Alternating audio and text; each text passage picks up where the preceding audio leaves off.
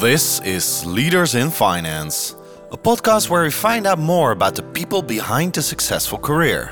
We speak with the leaders of today and tomorrow to discuss their motivations, their organizations, and their personal lives. Why? Because the financial sector could use a little more honest conversation. We'd like to thank our partners for their ongoing support. They are Kayak, EY, Odgers Berndtson Executive Search, and Roland Berger. Your host is Jeroen Broekema. Welcome to an extra episode of Leaders in Finance podcast. So, this time, not a regular episode in which we interview a leader in the financial services industry, but an extra episode in which we explore a particular subject. To be more specific, this time we have a roundtable in the run up to the FLAIRS event taking place on the 29th of September this year which has as its main theme banking through crises. For those who don't know FLAIRS, it's the organization that brings together young people from the different major banks in the Netherlands. Today, we discuss one of their major topics of that event, which is transitioning into a sustainable finance world. We discuss this topic with a diverse group of people representing themselves, as well as four different banks. They are Laurens de Vos, Anneka Treon, Ezra de Korte and Julia van Boven. But I would love to hear from them and introduce themselves so you guys that are listening know who we are talking with. So, first of all, Anneka, welcome. And could you please introduce yourself? Thank you. Well, my name is Anneka Treon. I work at Van Lanschot Kempen for almost 17 years now. Um, I'm my role is I have a chief economist role. I'm responsible for the investment advisory business and also our business professionals client group. Wonderful. Great to be here. Yeah, I'm happy you're here. And also, uh, as some listeners know, you've been on the podcast yourself on a one on one interview. And people may not know, and I don't want to put you in an uncomfortable position, uh, but that you're the one that is most listened to so far out of 137 or something. It's unbelievable. Thank you. So I'm very happy you're here again. Great. Um, so we, we go around the table. Uh, Laurens.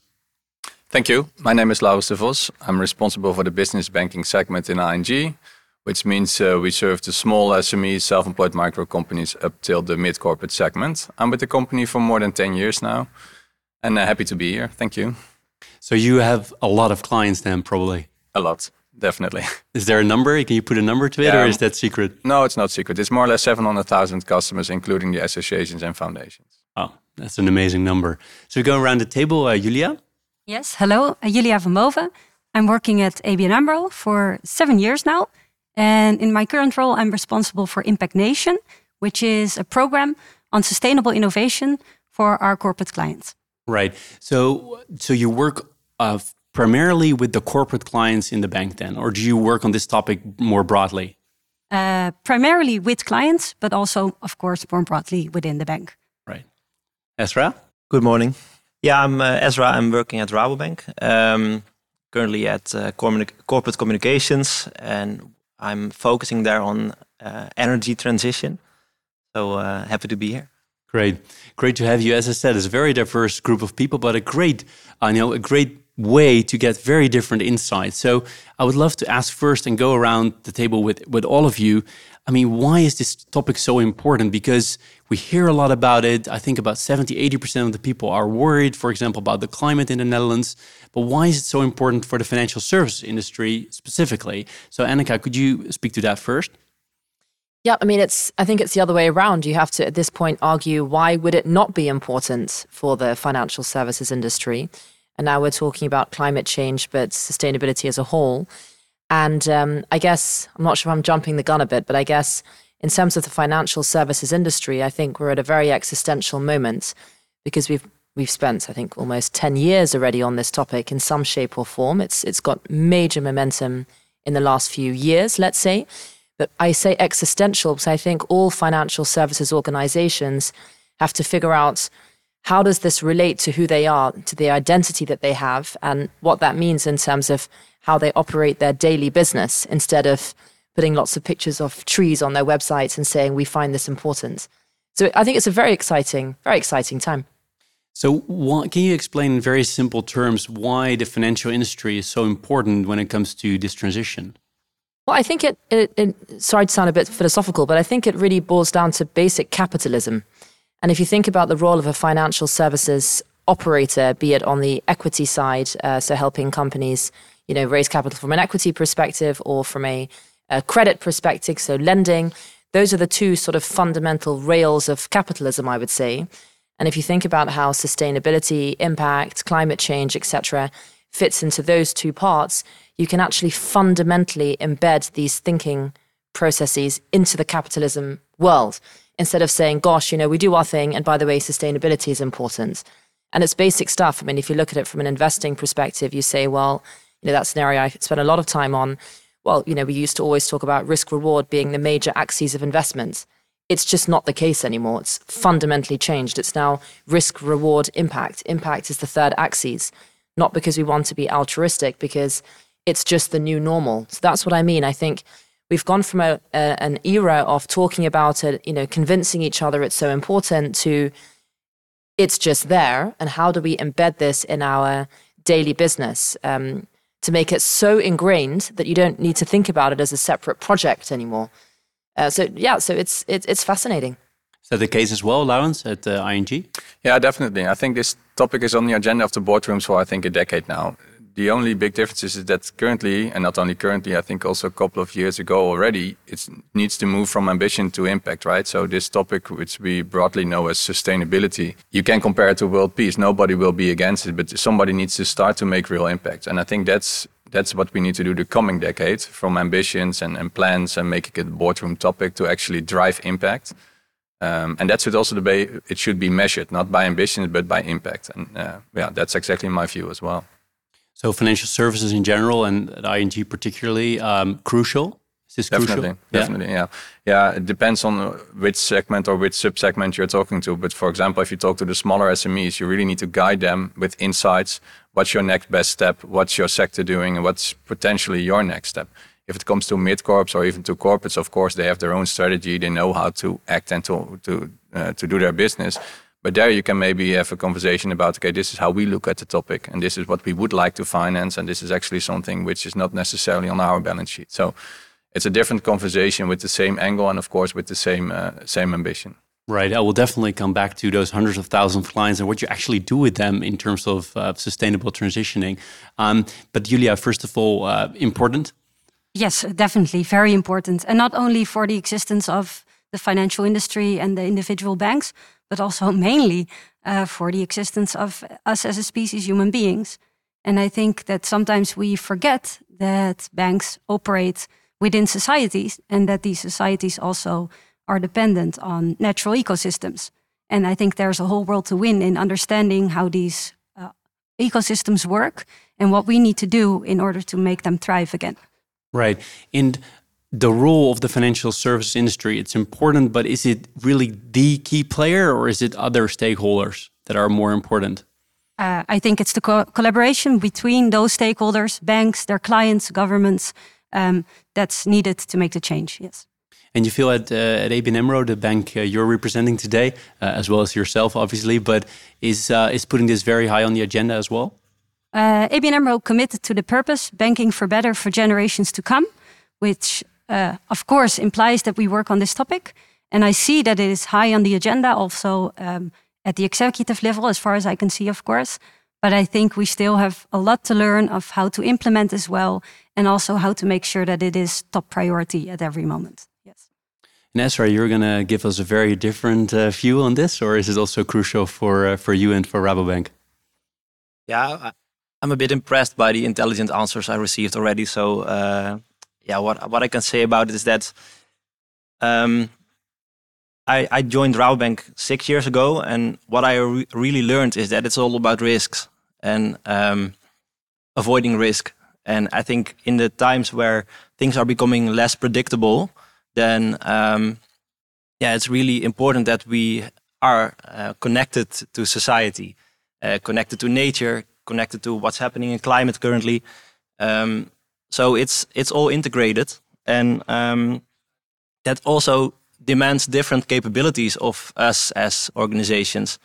We used to be specialists in finance, but now we also have to be specialists in sustainability, in knowing uh, patterns on climate, um, because yeah, all the the yeah the views that we have uh, receiving from from um, universities, yeah, it's it's really up to us to connect with them uh, to yeah to develop these capabilities we really need. Right.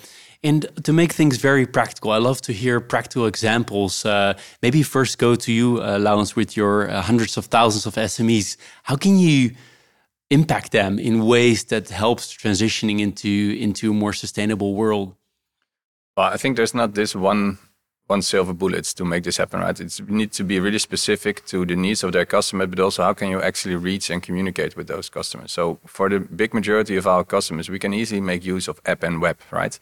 Hundreds of thousands of connections every day, actually every hour. If you gain insights there and, and give information which is useful to them, this can really make a difference. Or it could make them start thinking about the topic at least when it comes about conversation with our bigger customers, with the mid-corps, of course, you have specialized teams who visit those customers, make sure you have the right conversations. And indeed, besides being a banker, knowing everything about financials, knowing everything about the sector, we need to add a third layer to that skill set, which is knowing everything about that transition in your sector or in your region or wherever this banker is is working. So there we need to also work on the the profile of bankers and make sure that this sustainable angle one way or the other is part of their skill set. And so that's, I think, one way to go. And the other way to go is, is just bring insights. If we do research, which we do, to, which we did in uh, in spring this year, nearly all entrepreneurs said it's on my agenda. Actually, I would like to invest in sustainability and making my company more sustainable, but I don't know necessarily where to start. Please give me this one, two, three first steps I can take without regrets.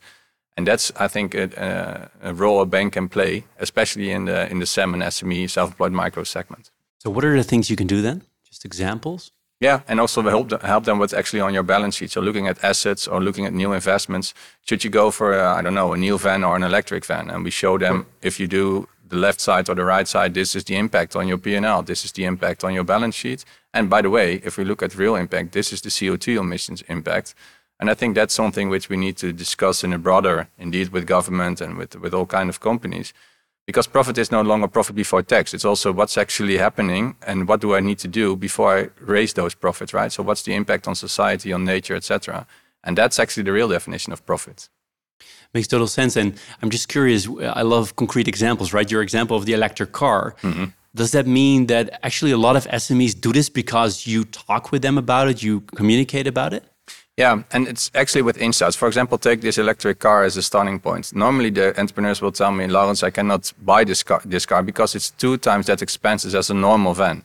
Then we try to explain that if you look at the total cost of ownership, so you can make use of the van for a longer period of time, you don't need to go to the garage every once a year, the total spent on ownership is more or less the same.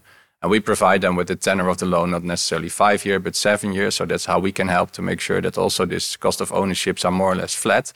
And then an entrepreneur can say, okay, if I can go and it's a neutral decision when it comes to my cash flow, why should I not go for this electric van instead of this more traditional van?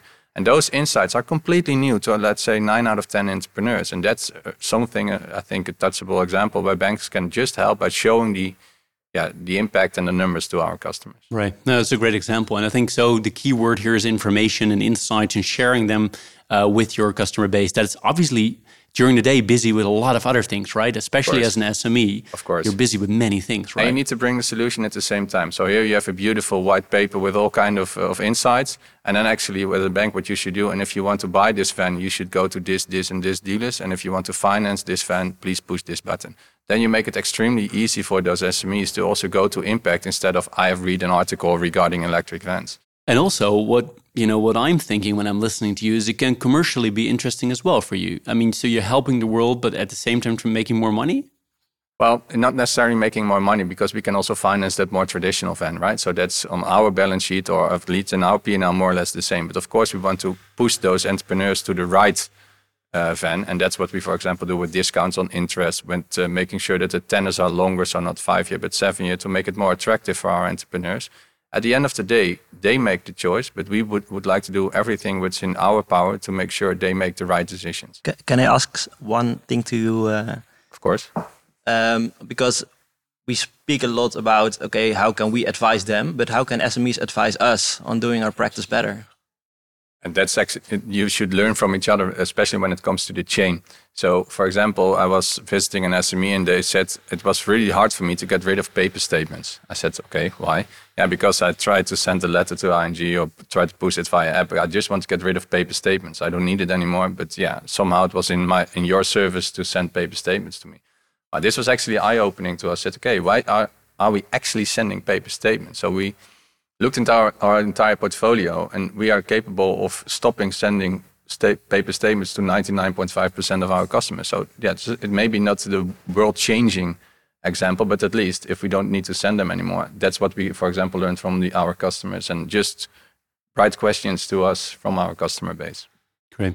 Uh, thanks, Ezra, for asking the additional questions. Good thing. Keep keep doing that. Uh, Anneka, I'm just curious. Uh, at Van Lanschot Kempen, you have a very diverse range of clients, right? You have uh, business clients, you have private banking clients, and everything in between. So, what are the things you guys can actually do for them? Yeah, well, I know you like concrete examples, so let's let's try to make it concrete. I'll give two concrete examples. Um, so we are we are a wealth manager. We do that for private individuals. We do that for institutions, pension funds, etc. Now I've mentioned the third axis of risk, uh, risk reward impact, and you also mentioned risk. That actually there's a new definition of risk. So let's make it very, very tangible. Uh, if we're talking to our high net worth clients and they want to do vermogensbeheer with us, they're essentially giving us a sort of carte blanche or a trust that we will allocate their capital in a right way. Now, with that responsibility, with that comes a huge responsibility because it's we've got 120 billion of assets that are we're stewards of with that responsibility. So to make it very, very practical, what we do, and in our sort of flagship core uh, vermogensbeheer flavor, we say, okay, we've made two transformations. The first transformation we've made is we don't want you to feel like it's a black box as a customer, as a client. We want you to really see the individual lines of companies you're invested in, funds that you're invested in, because we want you to understand the stories behind why we've selected these companies. And these stories, and these, and what's interesting is we really want to talk we're not doing it only from a point of altruism. We're doing it from a point that our clients can understand why is this also helping them in making solid returns in a proper calculation of risk, which takes into account all the sustainability, climate change. Because if you don't do that, you're being irresponsible as an investor. That's the world we're in. It's not just a nicety, it's a must have. So let's be very, very tangible. We say, actually, we have and we've been very outspoken about this. We've we've we've made this sort of firm wide across 120 billion of assets. We call it our uh, beleggingsmanifest, our investments manifesto. We say in every single company we invest in or fund, etc., we always look for three things. Two things are really about the, the strength of the business model. So it's about having a strong USP, it's about being a very focused business, quite logical. But the third one is about alignment. And alignment means, again, you know, make sure that the CEO of that company is also a shareholder, that they're not their bonus is not on silly things, just on top line. So they buy all sorts of strange businesses to get paid very well that year but alignment truly with society. Because if a business, if a management team does not feel the alignment with, well, what's my carbon footprint? What am I doing to my society, to the ecosystem of people under my employment, the surroundings? I am going to destroy shareholder value, which means I am going to hurt the capital of our investors. So we've already implemented that. So without our clients having to do anything or, or maybe even noticing something, obviously we storytell that's already done status quo by definition. So that that's one example. And we can really storytell and explain, you know, this business, this is what they do, this is how they're aligned. And obviously our customers feel the urgency to do that. Otherwise we have to just, you know, sell the shares. So that's one concrete example. The other concrete example, maybe even more concrete, is what we call active ownership. That's that's what we do across all the assets that we that we're stewards of, whether it's for pension funds or for private clients. And there what we say is again, if we ask, because it's not our capital, that's our client's capital. So if we are stewards of 120 billion, it comes with huge responsibility. So if you're a shareholder of a company, this is what Larry Fink has been talking about, you have a seat, you have a right to a seat on the table. And with that right, you have to do something useful. You have to add value. So we are really interested uh, in the medium companies. So you've got the, you know, great impact businesses that are very obviously, you know, helping with sustainability, climate change, etc. Then you've got the bad companies, which we say, gosh, you know, we simply cannot invest in, whether it's child labor, etc. And then you have the majority of companies, which is the normal company, which is in between. And that ocean of companies in between we find really important because if they're making transitions, they are the ones that are going to contribute to value add. And that's going to make value add at the biggest scale. So we really, as a shareholder, find it important that we help companies in making transitions to become better companies or to, prov- to produce better impact. Now, we're this very small company in Holland. In the bigger scheme of things, we're tiny, right? So there in our in our uh, active ownership, we have to see, okay, where do we have, you know, are we realistically going to change Apple?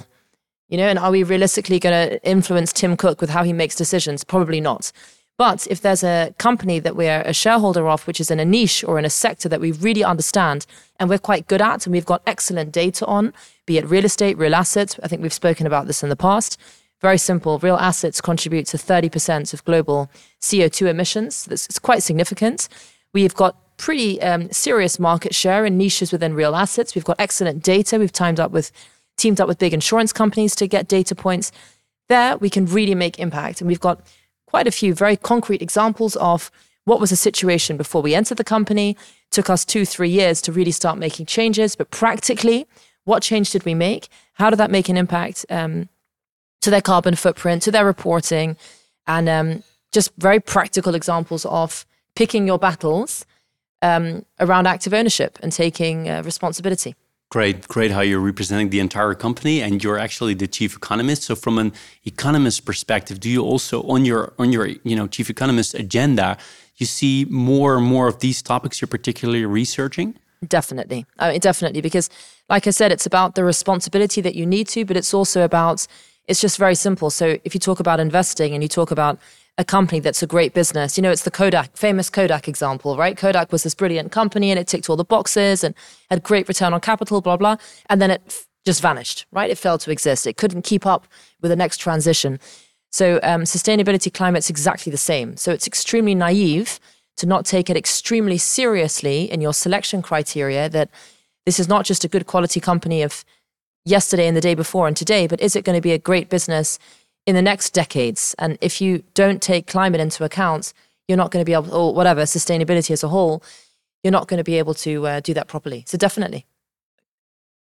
There are some de developments coming as well that uh, it's both a carrot and a stick, of course. But if you look at the CSRD reporting uh, requirements, I think that's also something that's going to help us.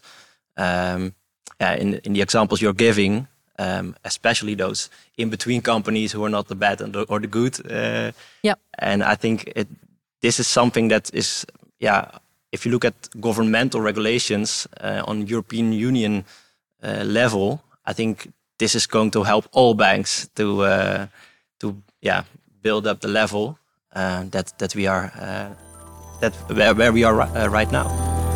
You're listening to Leaders in Finance with Jeroen Broekema. Julia, I would like to talk with you about uh, you know purpose, but also if you have you start to create a culture within the organization around this transition, how do you make people actually you know start to make different decisions internally? Because that's probably where it all starts, and then you need to go externally.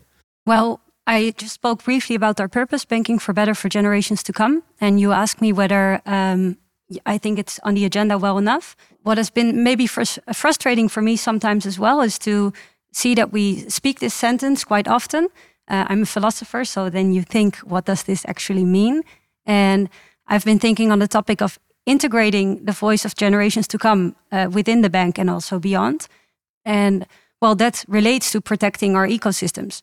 And what I found frustrating is that we bankers and also mainly people in board positions, we understand the economy very well, we understand the law very well, which makes it logical for those people and us to listen very well to, for example, lawmakers or regulators and the market.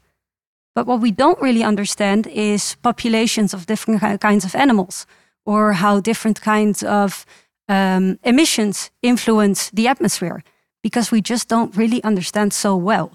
Um, and I think that it needs a big shift to also integrate those perspectives to the table and you see this coming with some companies who give, for example, a board seat to nature, which is taken by different NGOs.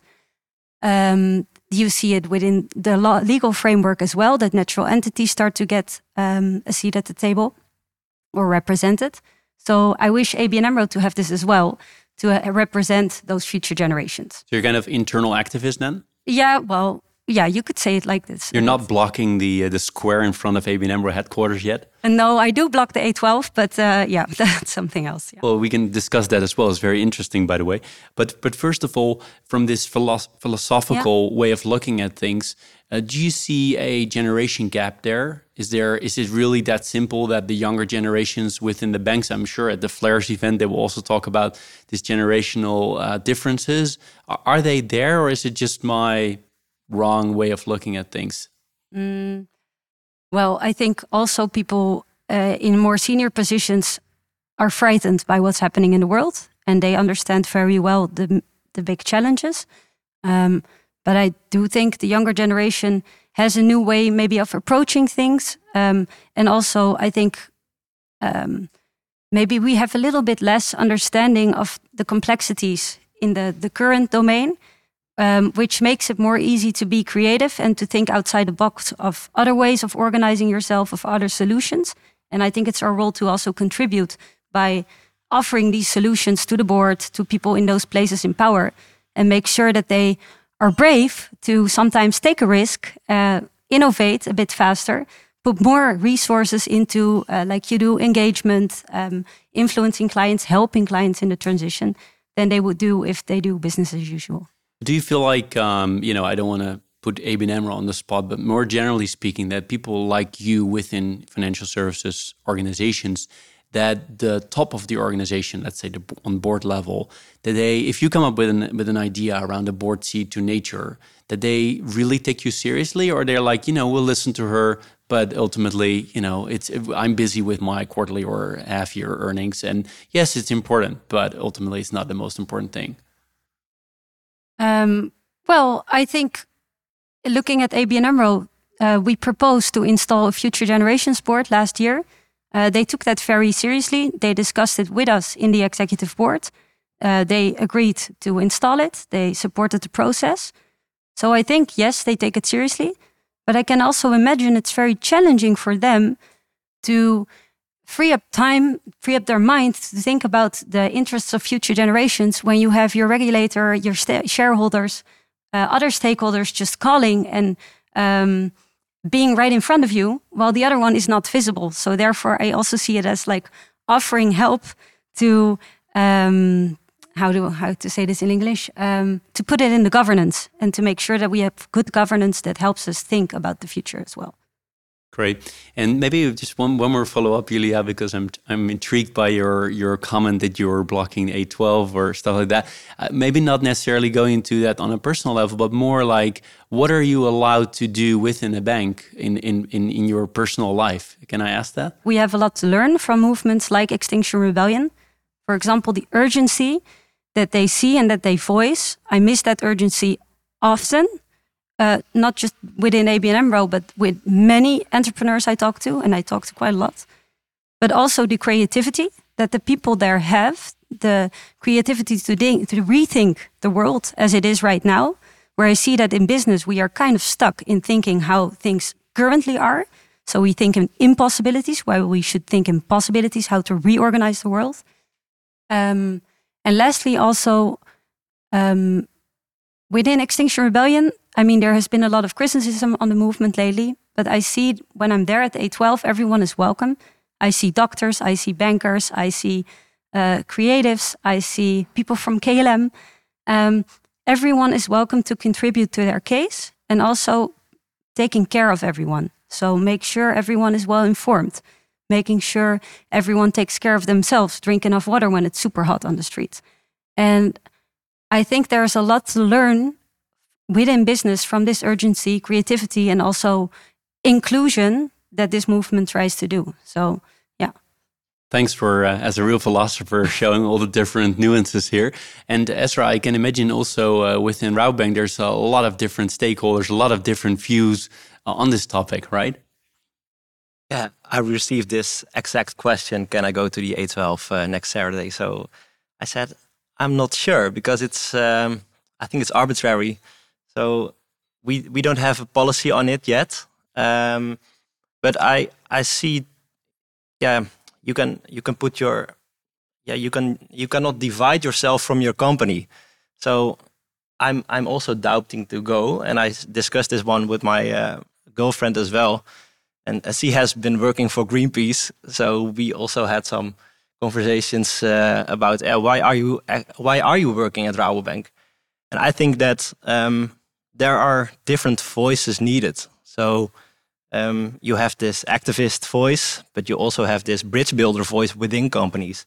And I, I think that's the position that I want to take to really have the conversation with uh, activists and um, try to understand the different perspectives. Because, um, yeah, last week I had a visit of, uh, yeah, some somebody I know, and he he asked me, okay, you are uh, doing your activism practices, but um, you're working at a bank. How how do you combine those things? And yeah, I said.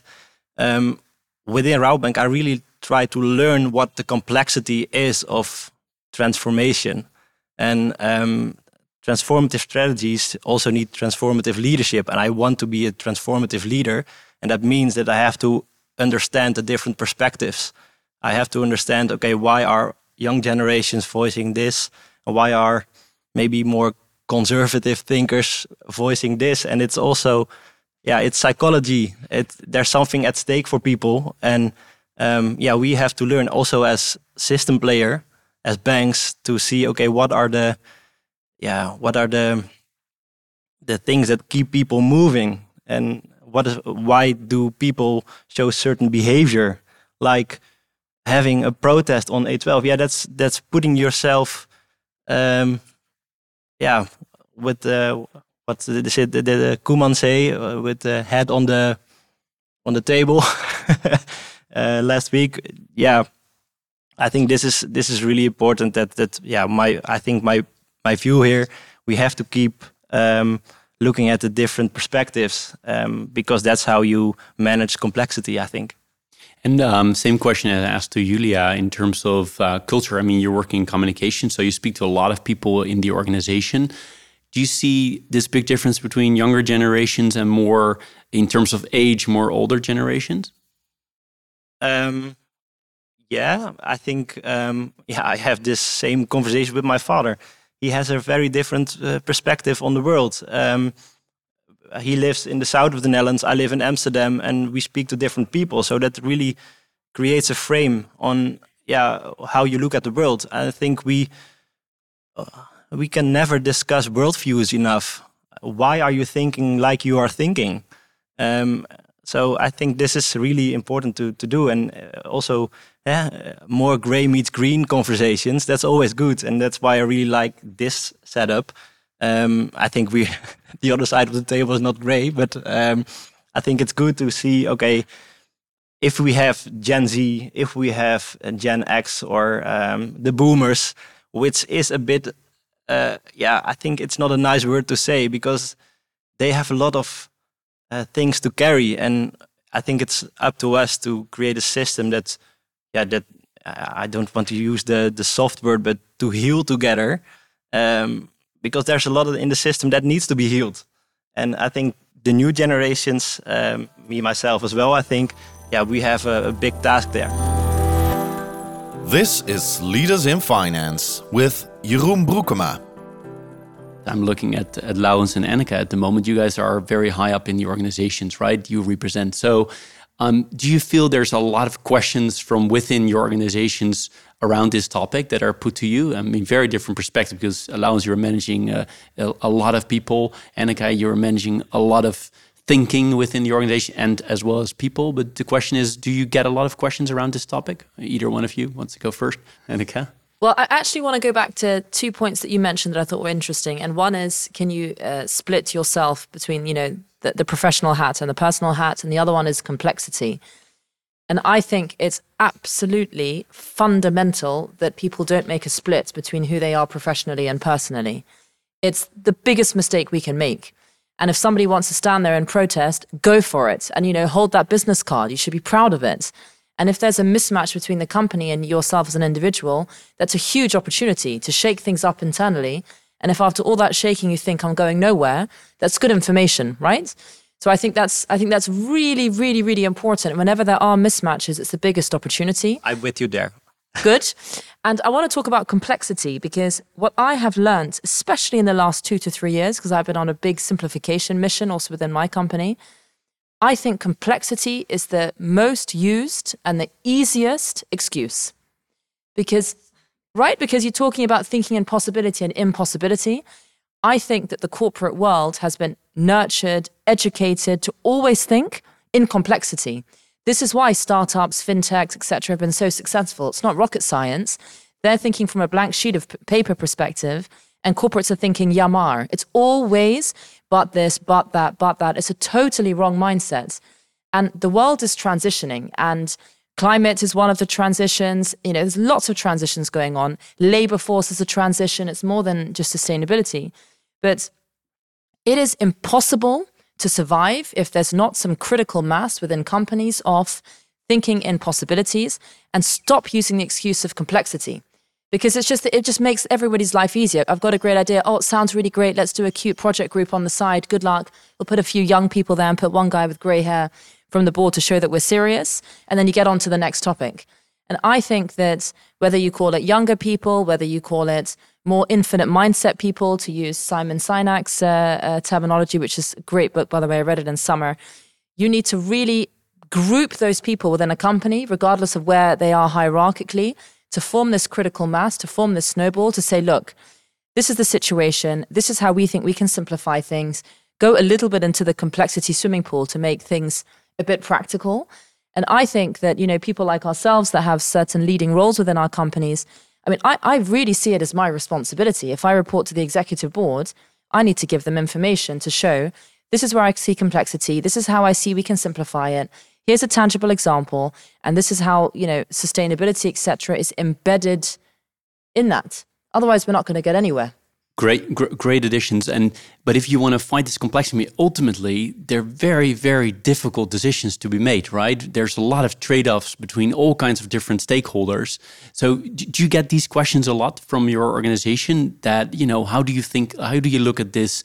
Is it going to be this stakeholder or that stakeholder? Like it's a complete it's you know continuously trading off things right? Totally but everything in life is a trade-off right? Do i go here on a friday night or do i go there on a friday night? So i think you know, just talking about the the issues around trade-offs, I mean that that goes by definition. I think yes, we get a lot of those questions, and I think what we've learned and what I've also personally learned is always start small. Stop brainstorming. Stop making another 35 slide deck about it. Stop going through thousands of stakeholders' discussions. Come up with something that's tangible, feasible, that's not huge risk. Get that proof of concept, iterate, learn, develop, start small, and just get moving. Otherwise, nothing's going to happen. Are you frustrated sometimes about this? It sounds like you're frustrated. No, you, I, you have this complexity, this fight against the complexity. Well, no, I, I think what sometimes frustrates me is is that we try we we tend to have a lot of very smart people in the financial services industry, and because people are smart, they have this tendency to overanalyze.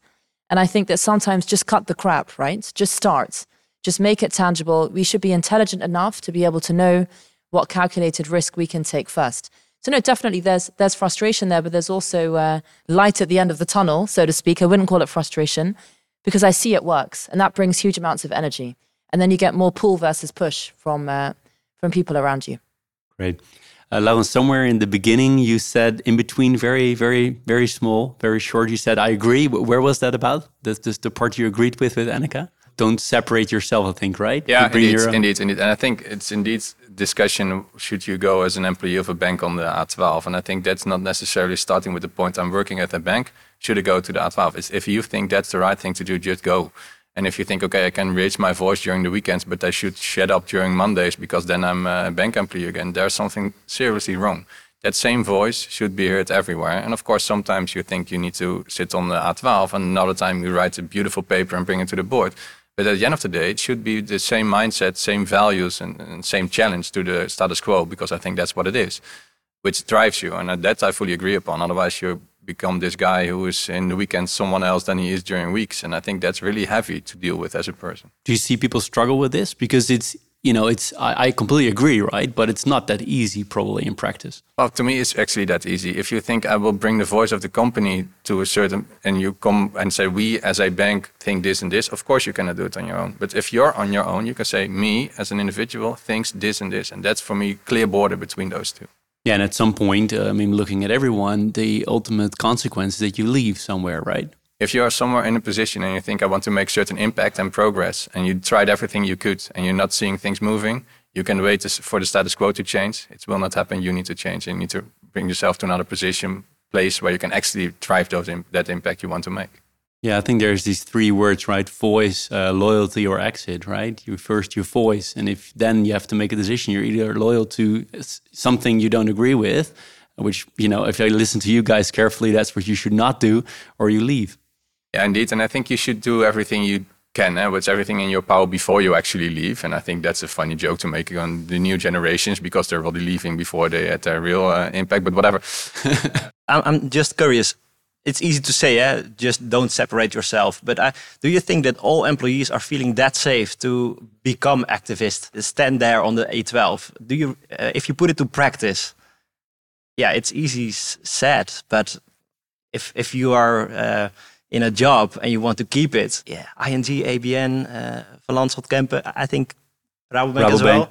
Yeah, do all our. I think we have uh, together we have hundred thousand employees. Uh, maybe more. Do they? Do you think that they feel safe to to be there? I think in general there's not a statement because that it really differs person by person, right? Some people think I feel safe and I just want to do this, Another think okay I want to drive impact, but maybe not on this way or I use another tool, right? So. And if people do not feel safe to speak out, I think then in general there is a huge problem in the company uh, and if people want to have some guidance, of course, as a company, you can give guidance, right? If you want to go there, don't take the, the flag of the bank, but be yourself, etc., etc., uh, right? That's fine. And, and you can give some guidance as a company. Or also when it comes to simply compliance or breaking the law, I think that's easy to give some guidance there. I can do it in a minute. But when it comes to this personal conversation actually with yourself, what would I like to do? What's my next step? Will I join them now or maybe in the future, whatever? This is really a balancing decision for yourself as well, right? I don't think any of our organizations have made a statement on this yet. Although I do think all our organizations want to work towards a transition towards a sustainable economy. And we know that these subsidies delay the process. So I'm curious. So, so uh, let, us put the question first to yeah. you, to yourself. To your, what, would, what would be your answer well, to it? Uh, internally, I lobby for that ABN AMRO would speak up.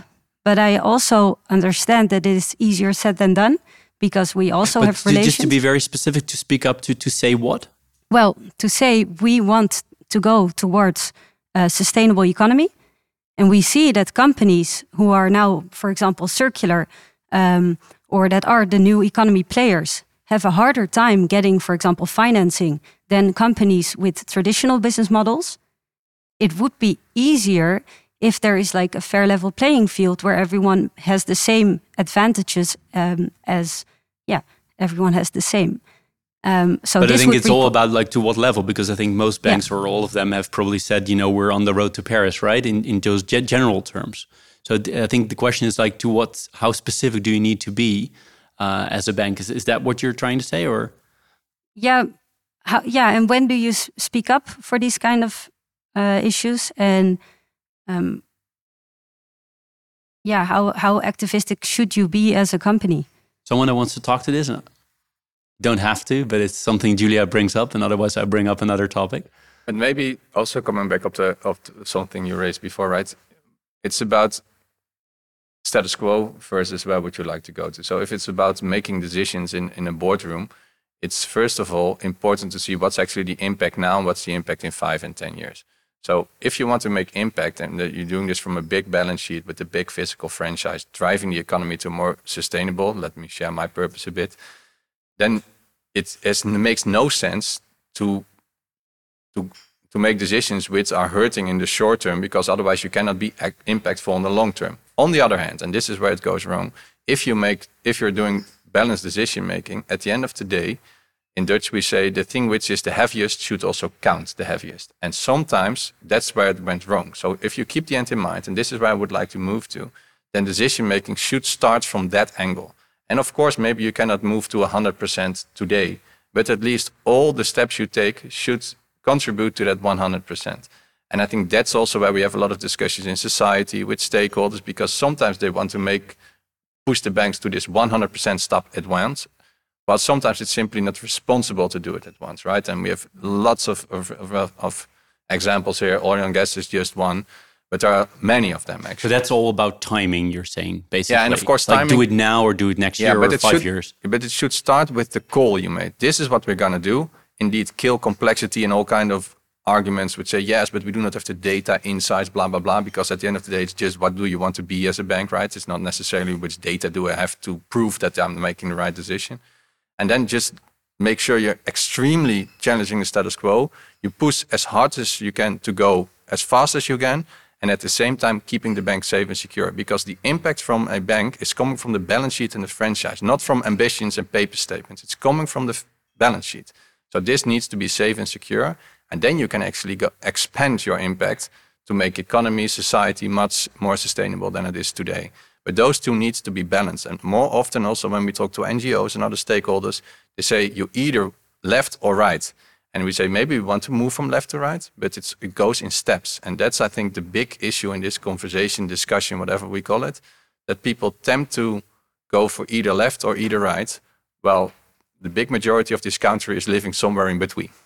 But ultimately, um, these are my words. But this is about well timing, but also about do do does everyone understand how that balance sheet works, and also what happens if you are doing things that are taking too much risk, right? So, um, but then I think a lot of like, for example, NGOs, uh, as you mentioned, they will probably say, well, yes, you will maybe break something on your balance sheet, but the alternative is worse. Agree. And then you get these kind of discussions, and but that's very difficult, right? That's fully agree. Because if you dare to make sure the status quo keeps the same, it's whatever you choose otherwise, it's always worse. So we have seen in the last decade, if we continue this path, the end of this path is by default the most black scenario. So we need to change a lot of things, including how the balance sheet of a bank looks, including how we look at risk reward, including how we look at profit. Agree. Including how we look at the profile of being a banker, which is not necessarily this gray bold guy knowing everything about financials and sectors, right? That we all need to change. And at the same time, we need to keep the power within the bank to, to facilitate this change by a strong balance sheet, a, a proper P&L, and a proper franchise. I saw you nodding, uh, Anneka. You agree? Yeah, I, I, I totally agree with everything he's saying. And I think it's very trendy to be radical. And it's very trendy to use emotions and um, be very excited about statements and say, gosh, you know, you're black or white, you're left or right. And obviously, in reality, life doesn't work that way. And I fully agree with what you're saying. And I think it all starts with vision, right?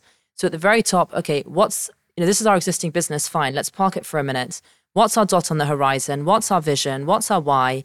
And what is our specific expertise area that fits us as a company, as our identity, that we can say, okay, in all the areas of impact, climate, whatever you call it, this is the area that's closest to home because we've got really good information about it. We've got a lot of clients in that area, whatever it might be. And this is the dot on the horizon, especially focusing there, but in general. And then work backwards on the steps. Because if you can explain it like that, and if you can storytell it like that, I think it helps some of the radicalization of thinking because people get the assurance we are getting there. But exactly to your point, maintaining a healthy balance sheet in the journey is essential. Because if you don't have the healthy balance sheets, the net, you know, the net pain that you cause with lots of people being laid off, etc., is probably more than making a few radical sort of concepts feel satisfied shorter term. But I think, again, going back to our point about yes, it's complicated, but let's not use complication as an excuse. Let's think about it in terms of time horizon. So let's simplify the workings of the balance sheets because actually the balance sheet's very straightforward, right? Let's put it in simple language. And as a, as a leader of these big balance sheet businesses or smaller, whatever, let's also explain it to the general public. Let's explain this is our balance sheet, this is the constituents, this is how it works. This is how it could look in 10 years' time if you give us the time, if, you, if we think along.